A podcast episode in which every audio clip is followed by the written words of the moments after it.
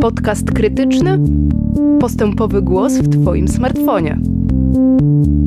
Dzień dobry Państwu, to jest podcast krytyczny, progresywny głos w Twoim smartfonie. Po tej stronie Adam Ostolski, a rozmawiać dzisiaj będziemy z doktorem Piotrem Ostrowskim. Dzień dobry. Z Ogólnopolskiego Porozumienia Związków Zawodowych i z Instytutu Socjologii e, Uniwersytetu Warszawskiego, a porozmawiamy o wyzwaniach e, i perspektywach e, integracji socjalnej w Unii Europejskiej. E, Piotr Ostrowski, jeszcze żeby gruntownie przedstawić e, Państwu naszego gościa, jest socjologiem, który zajmuje się zbiorowymi stosunkami pracy. Między innymi w Ogólnopolskim Porozumieniu Związków Zawodowych jest wiceprzewodniczącym do spraw polityki gospodarczej, a wcześniej przez wiele lat zajmował się współpracą międzynarodową. E, również z bogatym wymiarem europejskim. Bar bardzo dziękuję Ci, Piotrze, że przyjąłeś nasze zaproszenie. E, bardzo dziękuję za możliwość odbycia rozmowy i potwierdzam wszystko to, co, o czym przed chwilą powiedziałeś. E, to ja chciałbym zacząć od takiego bieżącego kontekstu.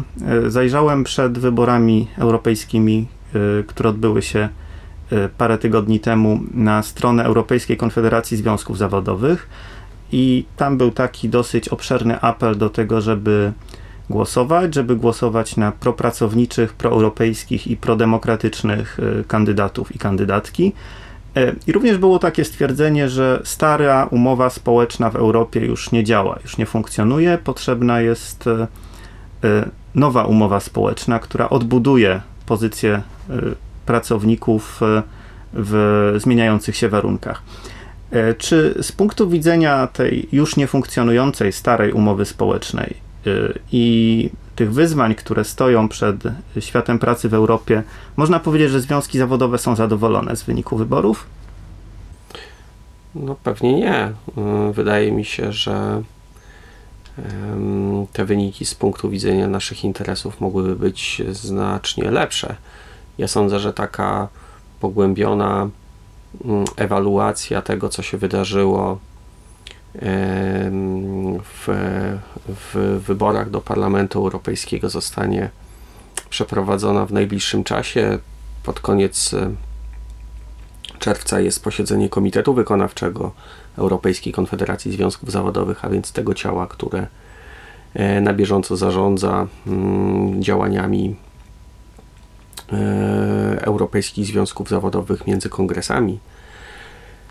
E, dlaczego, dlaczego raczej nie? Dlatego, że mm, no, ci główni sojusznicy związków zawodowych na poziomie europejskim, czyli socjaliści, demokraci, no, nie osiągnęli dobrego wyniku i to to jest y, główny, y, główny problem. E, to są, to są siły, które jednak y, dosyć ściśle na poziomie europejskim współpracują ze związkami zawodowymi. Ja nie chcę powiedzieć, że e, inne partie polityczne czy inne ugrupowania e, polityczne w Parlamencie Europejskim są związkom zawodowym przeciwne, ale współpraca z nimi jest na pewno dużo trudniejsza. Też współpracuje się z IPP, też współpracuje się z liberałami. No, mamy jeszcze zielonych, e, którzy także mogą stanowić e, potencjalny, potencj potencjalnych sojuszników. GUNGL, mniejsze ugrupowanie, także zawsze pozytywnie te, te, te relacje ze związkami się układały pozytywnie.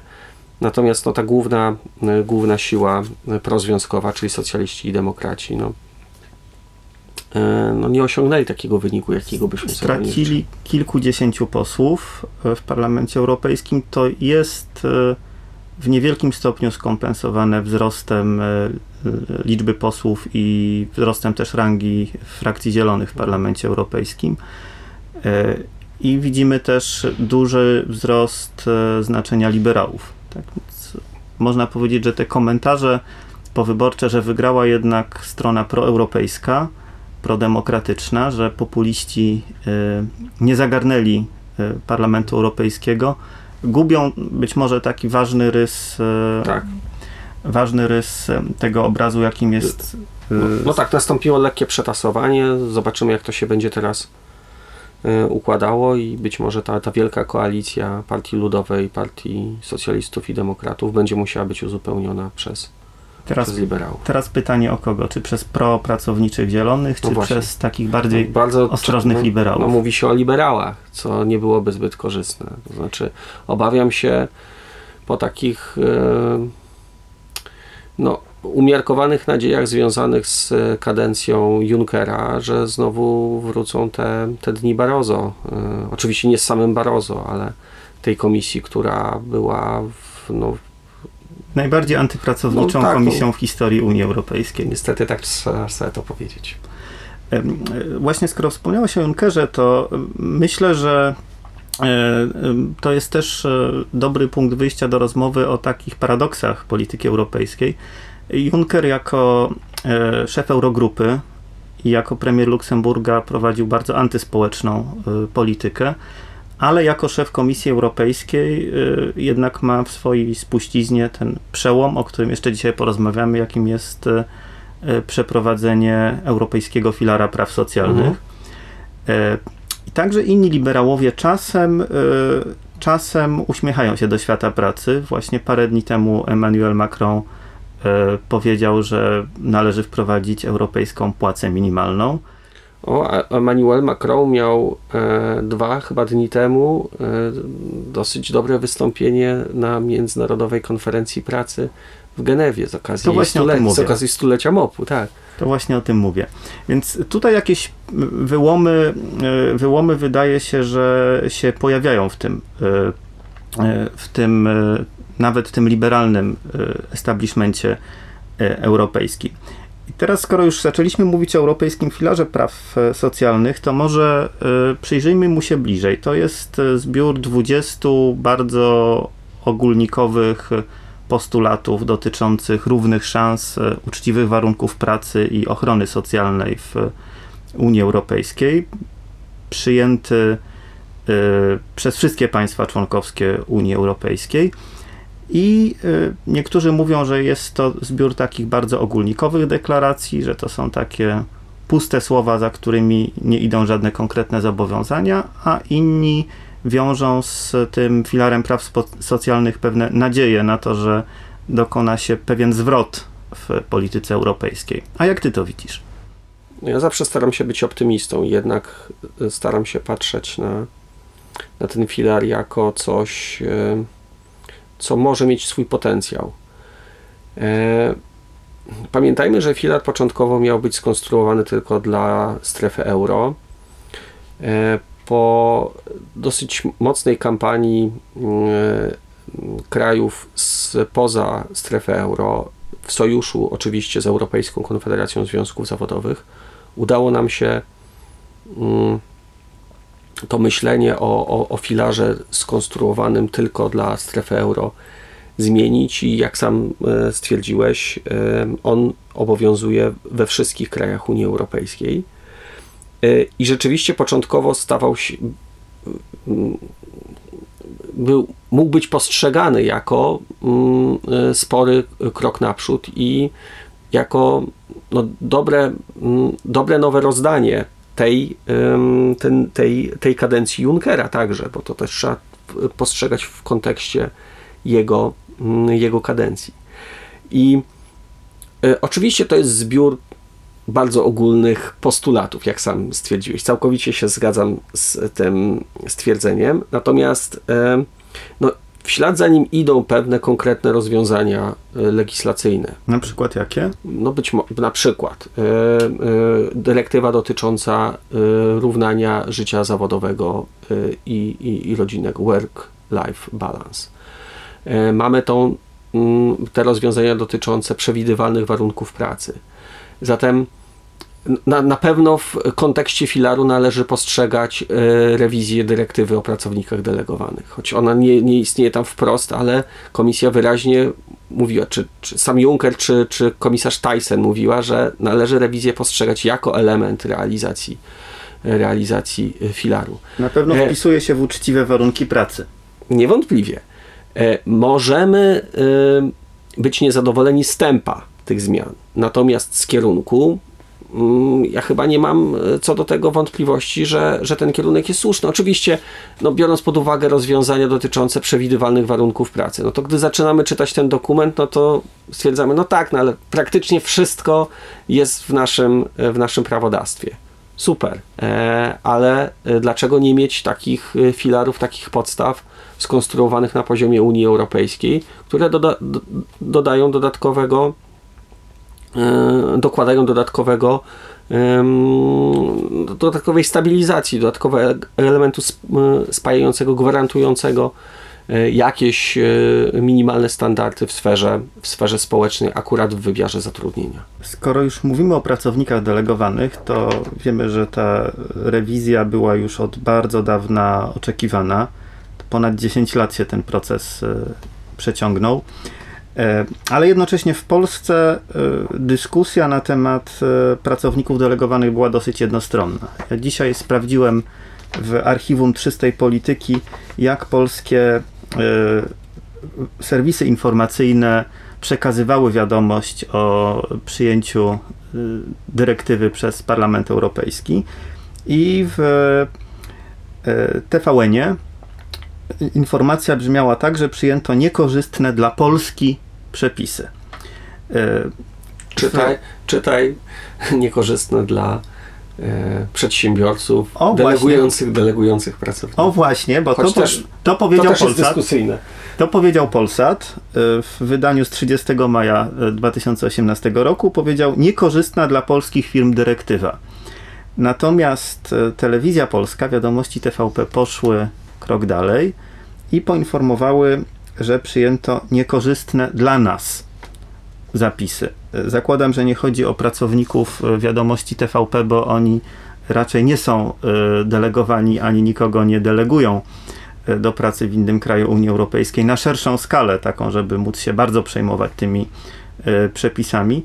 Ale to było bardzo ciekawe i jednocześnie przygnębiające obserwowanie tego, jak eksperci, politycy z lewa i z prawa e, i z centrum, e, dziennikarze w bardzo dużym, e, bardzo dużej zgodności, jednomyślności mówią, że to bardzo źle, że ta dyrektywa o pracownikach delegowanych w nowej formie została tak. przyjęta. Myśmy traktowali to tak, że całą tą debatę, dyskusję, dyskurs na temat planowanych zmian, planowanej rewizji tej dyrektywy, jako swoistego rodzaju probierz e, tego, na ile faktycznie postrzegamy um, pozycję Polski w Unii Europejskiej e, na zasadach równości. Bo tu można mierzyć, mierzyć kwestie, kwestie równości.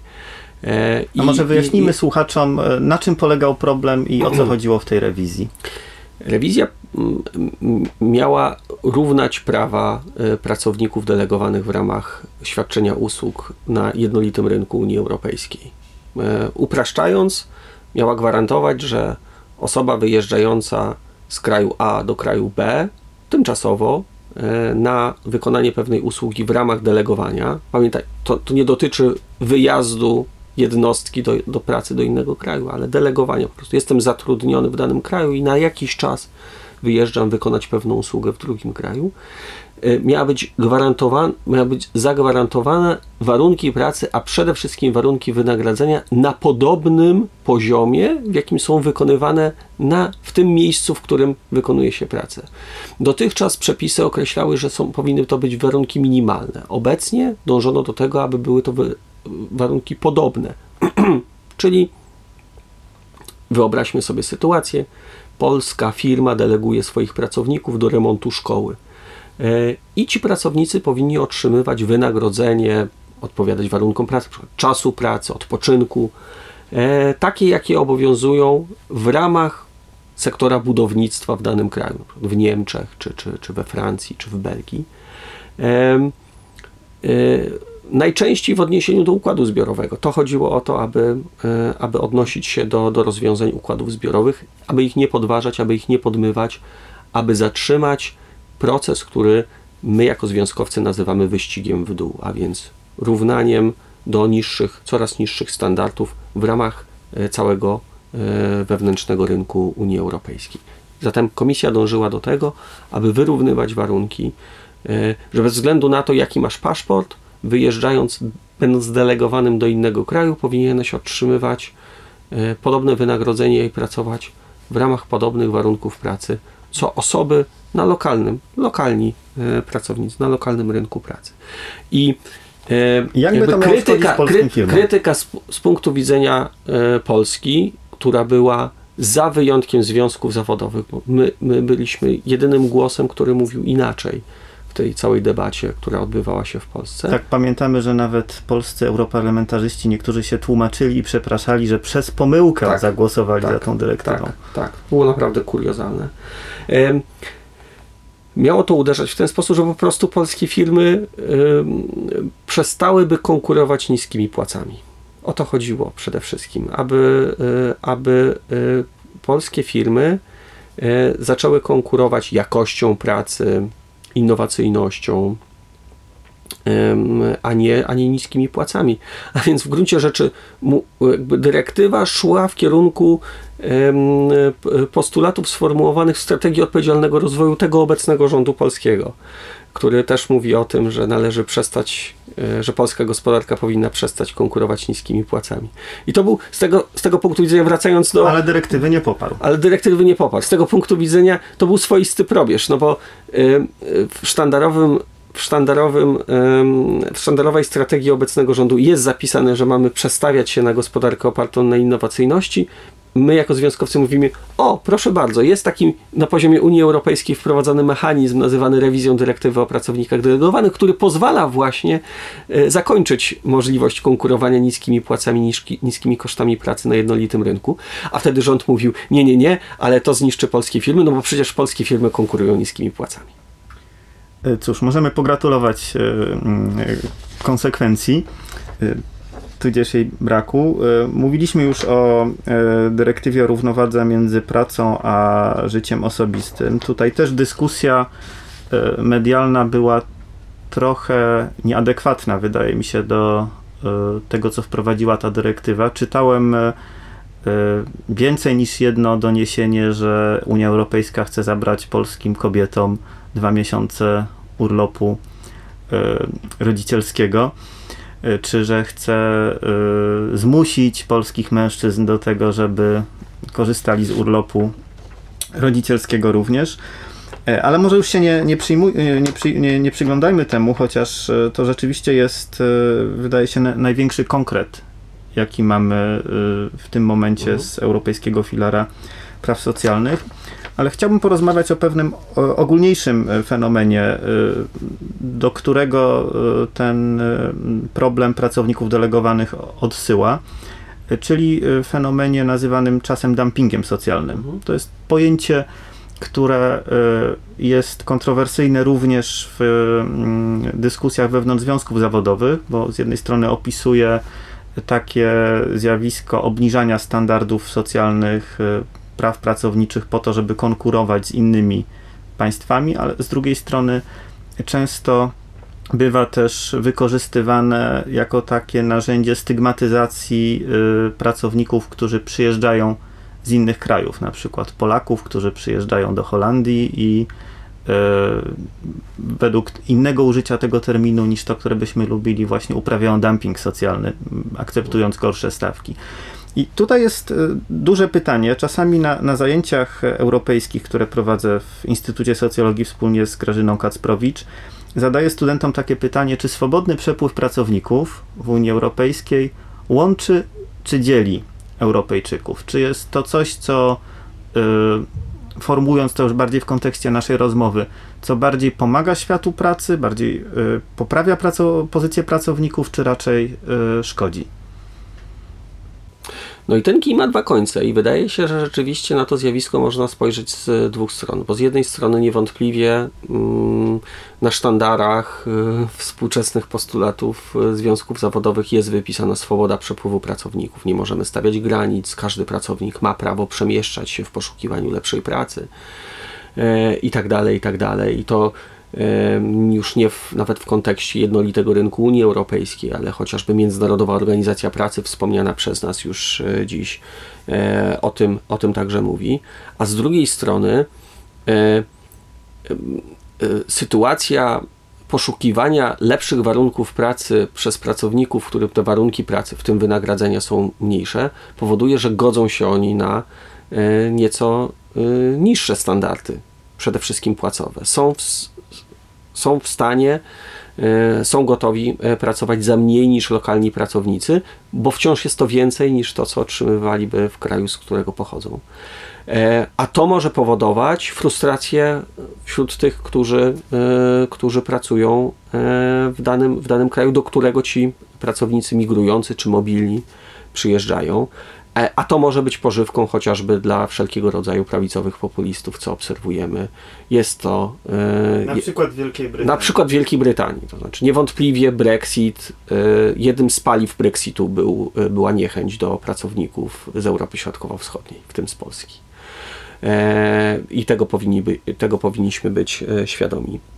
E, to, te podobne dyskusje pojawiają się w Polsce w kontekście pracowników ze wschodu, przede wszystkim pracowników ukraińskich. No właśnie czytałem parę dni temu taką informację, że za ten niespodziewanie korzystne wskaźniki wzrostu gospodarczego w Polsce w tej chwili odpowiadają w dużym stopniu właśnie pracownicy, którzy przyjechali z Ukrainy. I to by odpowiadało też e, e, takim raportom na temat wpływu pracowników z Polski na gospodarkę brytyjską i irlandzką, czyli dwóch krajów, które jako pierwsze otworzyły z swoje punktu widzenia, pracy. Z punktu widzenia gospodarek zatem wydaje się, że rzeczywiście e, migracja zarobkowa jest korzystna. I z tego możemy potencjalnie wszyscy skorzystać, prawda? E, dokładnie. Pytanie, w jaki sposób będziemy te owoce, które zostały wypracowane także przez pracowników migrujących, dzielili, dystrybuowali, co, co będziemy z nimi robili.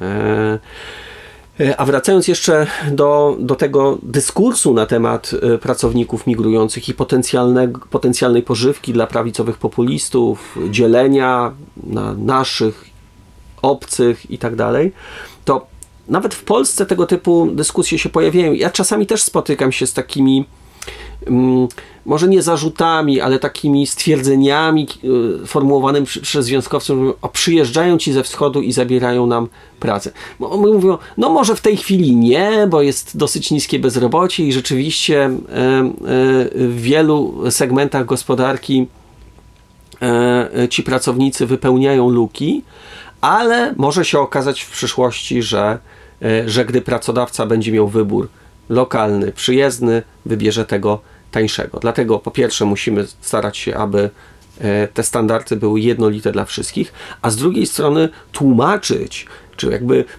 nieco zmieniać narrację, mówiąc, że zaraz, zaraz, ale to nie jest tak, że e, ci pracownicy migrujący przyjeżdżają tu w celu wyparcia kogoś z rynku pracy. Czy Ukrainiec nie przyjeżdża tutaj po to, aby wypchnąć Polaka. E, jeżeli zachodzi takie zjawisko, to e, odpowiedzialnym za to jest pracodawca. To on decyduje się zatrudnić tańszego pracownika ze wschodu niż lokalnego. Więc to nie migrant ry, y, y, y, ruguje lokalnego pracownika. Tak samo nie, to nie jest tak, że Polak lub Polka wypycha z rynku pracy lokalnych pracowników, na przykład w Wielkiej Brytanii czy w Holandii, ale jednak jest to strategia pracodawców, którzy za wszelką cenę dążą do obniżania standardów, w tym obniżania e, wynagrodzeń. Zatem e, tutaj i rola związków zawodowych, i rola e, instytucji państwa, aby dbać o właściwe funkcjonowanie rynku pracy, o właściwą instytucjonalizację tego rynku pracy w kontekście funkcjonowania tych gwarancji e, i, i, standardów, które na tym rynku pracy powinny obowiązywać wszystkich, niezależnie od tego, jaki paszport mają w kieszeni.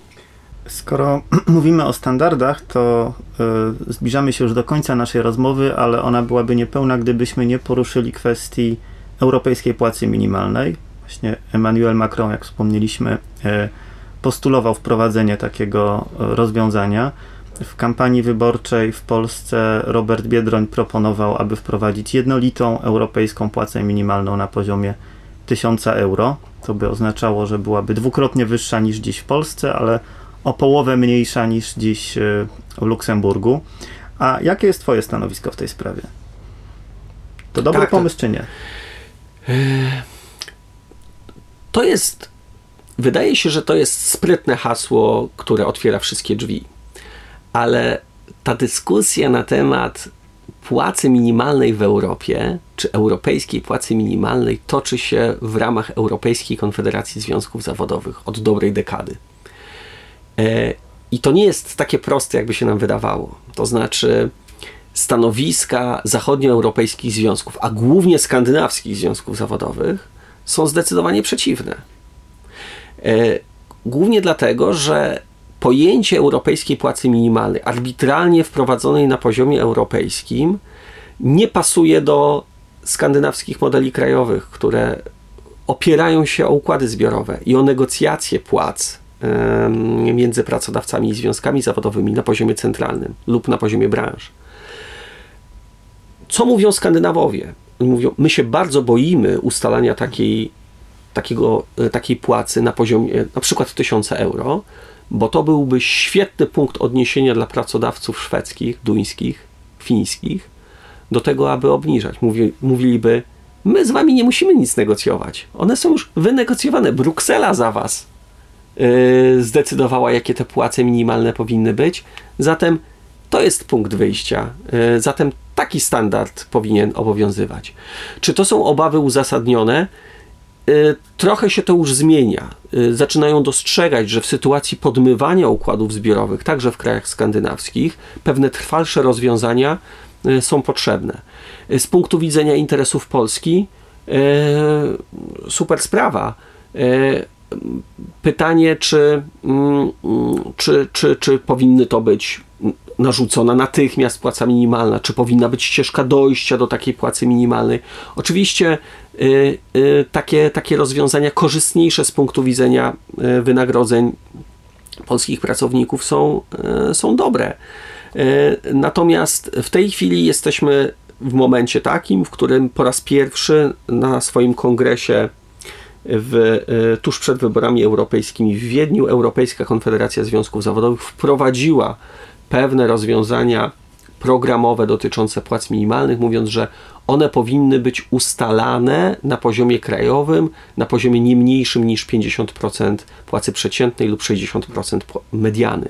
Czyli to jest e, trochę inne podejście do europejskiej płacy minimalnej. Trochę inne podejście. Nie wspólna, jednolita stawka dla wszystkich, ale pewien wspólny, minimalny standard yy, dostosowany do lokalnych taki jest, warunków. Taki jest w tej chwili kierunek. E, myślenia w ramach e, e, europejskich związków zawodowych, a jest on po prostu swego rodzaju kompromisem pomiędzy interesami Europy Wschodniej, a interesami pracowników czy związków zawodowych Europy Zachodniej, a przede wszystkim takich silnych oponentów trwałych rozwiązań dotyczących wynagrodzeń kierowanych z, ze strony związkowców szwedzkich, duńskich, czy, czy, czy fińskich, w nieco mniejszym stopniu norweskich, bo, e, bo mm, nie należą do Unii Europejskiej, należą do Europejskiego Obszaru Gospodarczego, ale są trochę ostrożniejsi w tych, e, w, tych, w tych krytycznych ocenach tego typu trwałych rozwiązań. I ostatni wątek. Wiemy, że w czasie kryzysu w strefie euro i narzucanej przez e, Brukselę i Frankfurt polityki zaciskania pasa bardzo pogorszyły się warunki negocjacji zbiorowych w krajach dotkniętych programami pomocy. E, e, między innymi był bardzo silny nacisk, żeby negocjacje przenieść z poziomu centralnego na poziom e, przedsiębiorstwa. Mimo, że Unia Europejska nie ma żadnych prawnych kompetencji do narzucania takich rozwiązań, to jednak. No, czyniło to takie mało demokratyczne ciało nazywane trojką korzystała z okazji. E, widziałem, że w tym programie e, nowej umowy społecznej e, w Europie, formułowanym przez Europejską Konfederację Związków Zawodowych, dialog społeczny i negocjacje zbiorowe zajmują dosyć prominentne miejsce.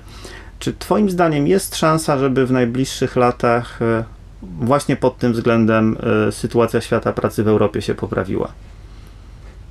Mm, życzyłbym sobie przede wszystkim, żeby poprawiała się w Polsce, e, bo z układami zbiorowymi naprawdę u nas jest mm, nie za dobrze. A Europa może w tym pomóc, żeby tu się poprawiło? E, może, no, pewnie, no cóż, no, no, nie może nikomu pewnie narzucić, natomiast może promować, e, choć takie rozwiązania są także na poziomie Międzynarodowej Organizacji Pracy. Natomiast niewątpliwie y, w czasie, w czasie kryzysu w strefie euro te naciski trojki były bardzo silne i rzeczywiście ta decentralizacja układów zbiorowych następowała w znacznym stopniu. E, natomiast e, ja, ja życzyłbym sobie, aby mm, układy zbiorowe stały się podstawą funkcjonowania e, systemów, systemów pracy w Unii Europejskiej. Czy to nastąpi? Zobaczymy. Warto mieć taką nadzieję, choć w Polsce będzie z tym dosyć trudno. Mam nadzieję, że za pięć lat, podsumowując tę rozpoczynającą się kadencję Parlamentu i Komisji Europejskiej będziemy mogli e, wśród wielu dokonań e, rozwijających Europejski Filar Praw Socjalnych e, pogratulować sobie również poprawy sytuacji z dialogiem społecznym. Cóż nam pozostaje jak mieć taką nadzieję. Dziękuję za rozmowę. Dziękuję.